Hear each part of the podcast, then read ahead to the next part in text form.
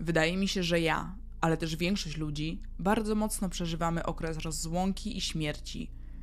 Jeśli jest cokolwiek, co może nas strącić z wysoko latającego dysku wibracyjnego, to żal po stracie kogoś bliskiego. I ten obezwładniający ból, który człowiek czuje, gdy traci osobę, którą naprawdę kocha. Ale ten żal nie strąca cię z wysokiego dysku. Poczucie żalu to po prostu twój wybór, aby być na innym dysku. Tak, to chyba najniższy istniejący dysk. Zastanawiam się, jak sobie z tym poradzić, bo po prostu nie wyobrażam sobie, że znajdę się w dobrym miejscu po stracie kogoś bardzo bliskiego.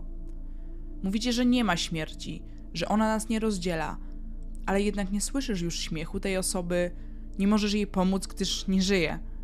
Nie możesz z tą osobą porozmawiać, przytulić się. Zniknęła ona z twojego życia na zawsze. Cóż, z pewnością powstaje wówczas inny rodzaj relacji. Ale najważniejszą rzeczą, którą powinnaś zrozumieć, jest to, że nie ma śmierci. Nie musi nigdy być żadnej rozłąki, ale masz rację.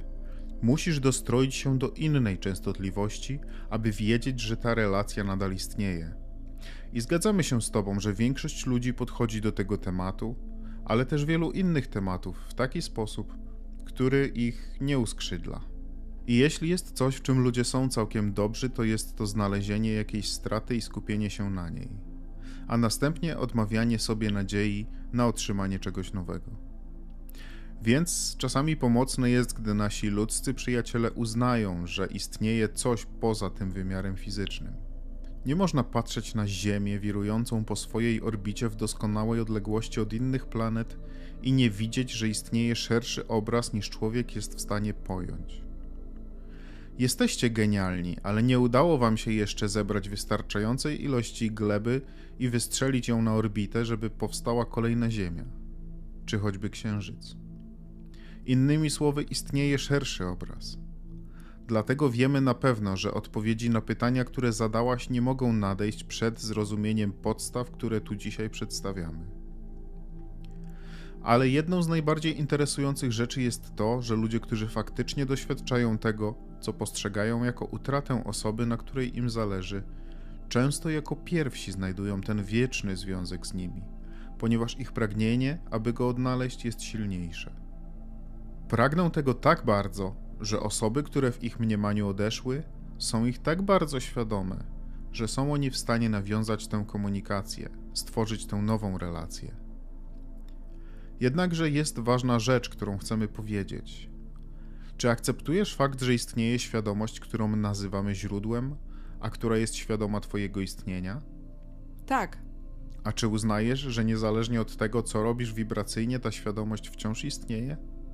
Tak, oczywiście. A czy akceptujesz lub przynajmniej zaczynasz akceptować fakt, że to Twoja wibracyjna odległość od tego źródła sprawia, że Twoja świadomość jego istnienia jest bardzo wyraźna lub też bardzo nikła? Tak. Więc skoro istnieje to niefizyczne źródło energii i skoro to niefizyczne źródło energii utrzymuje Was, każdego z Was, jako obiekt stałej i kochającej uwagi, czy nie wydaje ci się to niezwykłe, że nie ma coraz większej ilości ludzi, którzy byliby radośni przez większą część czasu? Innymi słowy, wszyscy tak starannie praktykowaliście rozłąkę w tak wielu sytuacjach, że nie jest dla nas zaskoczeniem, iż wielki temat śmierci również pozostaje dla was niezrozumiały. Źródło wie o wszystkim i zna wszystko doskonale, ale niczego nie może wiedzieć za was. Musicie znaleźć swój rezonans z tą wiedzą. Kiedy już doświadczycie śmierci, wiedza ta będzie kompletna. Wówczas wejdziecie w pełny rezonans ze źródłem. Nie sądzimy jednak, że musicie się przekręcić, aby tego doświadczyć.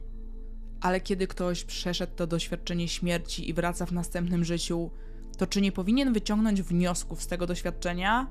Typu, okej, okay, teraz rozumiem, przeszedłem przez śmierć, teraz jestem na znanym mi torze. Jednak wydaje mi się, że tego nie robimy. Mam na myśli, że nadal jesteśmy rozdzieleni.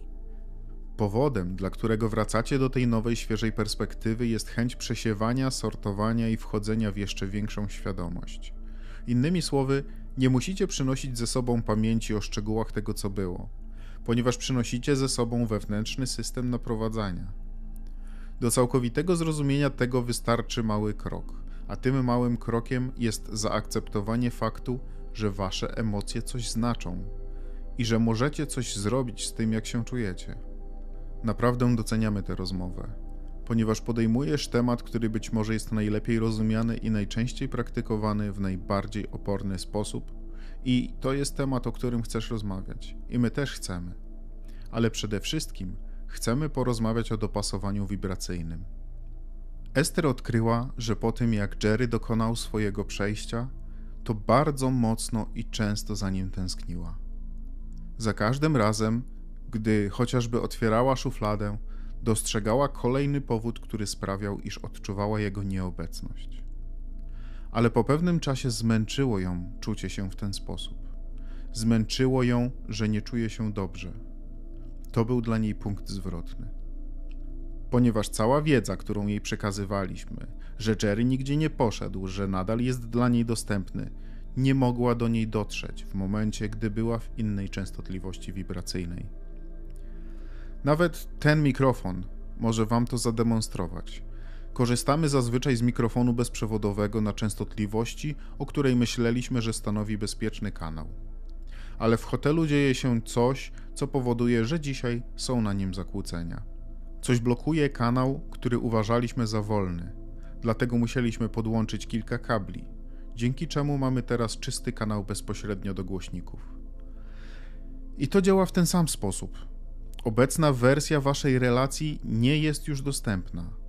Musisz zatem stworzyć nową i ją utrzymać. Czyli jeśli ktoś nie czuje separacji w swoim codziennym życiu, jest często w wirze, to czy po śmierci ukochanej osoby szybciej się z tego otrząśnie? Tak, na pewno szybciej taka osoba się po tym pozbiera. I to rzecz, której Ester się nauczyła. Było to związane z wieloma rozmowami z nami i z wieloma rozmowami z Jerem. Zauważyła, że nie może skupiać się na jego nieobecności i jednocześnie doświadczać jego obecności. Chociaż ich związek jest teraz inny, to nadal jest on prawdziwy. I chociaż jest inny, nie jest czymś gorszym niż był wcześniej. I to jest coś bardzo trudnego dla istot fizycznych. Zaczęliśmy dzisiaj od rozmowy o tym, jak jesteście przyzwyczajeni do przekładania swojego wibracyjnego wszechświata na to, co możecie zobaczyć, usłyszeć, powąchać, posmakować, dotknąć. Że to właśnie jest wasza skłonność. Więc jeśli jeszcze tego nie widzisz, nie słyszysz, nie czujesz, nie smakujesz ani nie dotykasz, często zwracasz swoją uwagę na brak tego, podczas gdy istnieje tego wibracyjna obecność, do której gdybyś się dostroiła, gdybyś nie odczuwała nieobecności, to ta obecność mogłaby wypełnić wszystko wokół ciebie. Ester i Jerry spędzali ze sobą mnóstwo czasu. Nigdy się nie rozstawali. Niektórzy ludzie uważali to nawet za dosyć dysfunkcyjne, że są jak rodzeństwo syjamskie. Spędzili oni razem ponad 30 lat. Razem każdego dnia, mieszkając razem, pracując razem i jeżdżąc razem ich monster busem. Mieli mnóstwo okazji do bycia razem. Ester naprawdę podobał się ten rodzaj wspólnoty. I wraz z tym ich wspólnym życiem, ciągłą zabawą, śpiewaniem, jeżdżeniem samochodem, pracą, redagowaniem, byciem na świecie, zajmowaniem się biznesem, radowaniem się życiem, spacerowaniem i tym wszystkim, co działo się w jej życiowym doświadczeniu przez te wszystkie lata. Ester teraz odkrywa, że relacja z osobą, z którą spędziła 30 lat, jest teraz o wiele bogatsza niż kiedykolwiek wcześniej. Ponieważ czasami Jerry znajdował się na drugim końcu autobusu. Czasami pracował nad swoim projektem, podczas gdy ona pracowała nad swoim. Czasami on spacerował tam, a ona gdzieś indziej. Czasami on rozmawiał przez telefon z tą osobą, a ona rozmawiała przez telefon z inną osobą. Innymi słowy, choć byli razem, nie byli połączeni, nie byli zjednoczeni, nie byli jednym w myślach i skupieniu. A teraz są. Ester pewnego dnia rozmawiała z Jerem, będąc w restauracji. Siedziała wówczas przy stole wraz z innymi i jedna osoba zauważyła, że mają dodatkowy talerz i powiedziała, że w takim razie to musi być miejsce dla Jerego. Ester próbowała zdecydować, co zjeść. A zawsze skłaniała się ku rzeczom, które lubił Jerry, ponieważ zawsze dzieliła się z nim posiłkiem. I nagle zdała sobie sprawę, że może zjeść cokolwiek, co jej się podoba, ponieważ nie dzieli się już z nim posiłkiem więc droczyła się z nim w myślach, mówiąc: Chyba pójdę do McDonalda, co o tym myślisz? Do McDonalda, do którego nigdy przenigdy nie chciałbyś nawet wejść. I wtedy usłyszała jego odpowiedź, tak wyraźnie, że roześmiała się w głos. Odpowiedź, która ją zachwyciła. Jeśli to zrobisz, to usiądę ci na kolanach i będę jadł z twojego talerza. I to jest dokładnie poczucie humoru Jerego. Tak zawsze z nią żartował. Jerry nigdzie nie poszedł. Ale Ester może wstrzymywać siebie od odczuwania go, jeśli zdecyduje się skupić w sposób, który mu na tę interakcję nie pozwala. To tylko jej wybór. I to właśnie chcemy, aby wszyscy nasi fizyczni przyjaciele zrozumieli. To wy definiujecie bliskość pomiędzy tym, co niefizyczne, a tym, co fizyczne. Ponieważ jeśli chodzi o nas, to nie ma żadnej luki. Zawsze płyniemy do was i przez was w takim stopniu, w jakim się tego spodziewacie, a następnie, gdy ćwiczycie wibrację czegoś, możecie to w pełni otrzymać. Czy Jerry odczuwa tę przemianę bycia w postaci fizycznej w jednej minucie i niefizycznej w następnej? Kto mówi, że to się wiąże z jakąś przemianą? Cóż, sądzę, że tak jest, z tego co doświadczyłam. Tak? Umarłaś już kilka razy? No nie, nic mi o tym nie wiadomo. Tylko się droczymy. Ale mówisz na podstawie błędnego założenia, ponieważ kiedy ponownie zanurzysz się w stan niefizyczny, porzucasz wszelki opór i natychmiast znajdujesz się na tym wysoko latającym dysku, gdzie Twoja niezwyciężoność, Twoja miłość i Twoje uznanie są najwyższe. To się dzieje od razu i nie jest to dla Was obce, ponieważ tym właśnie byliście przed narodzinami i taki był często Jerry, gdy był w tym ciele fizycznym. Nie ma więc żadnego mistycznego przemienienia do bycia niefizycznym.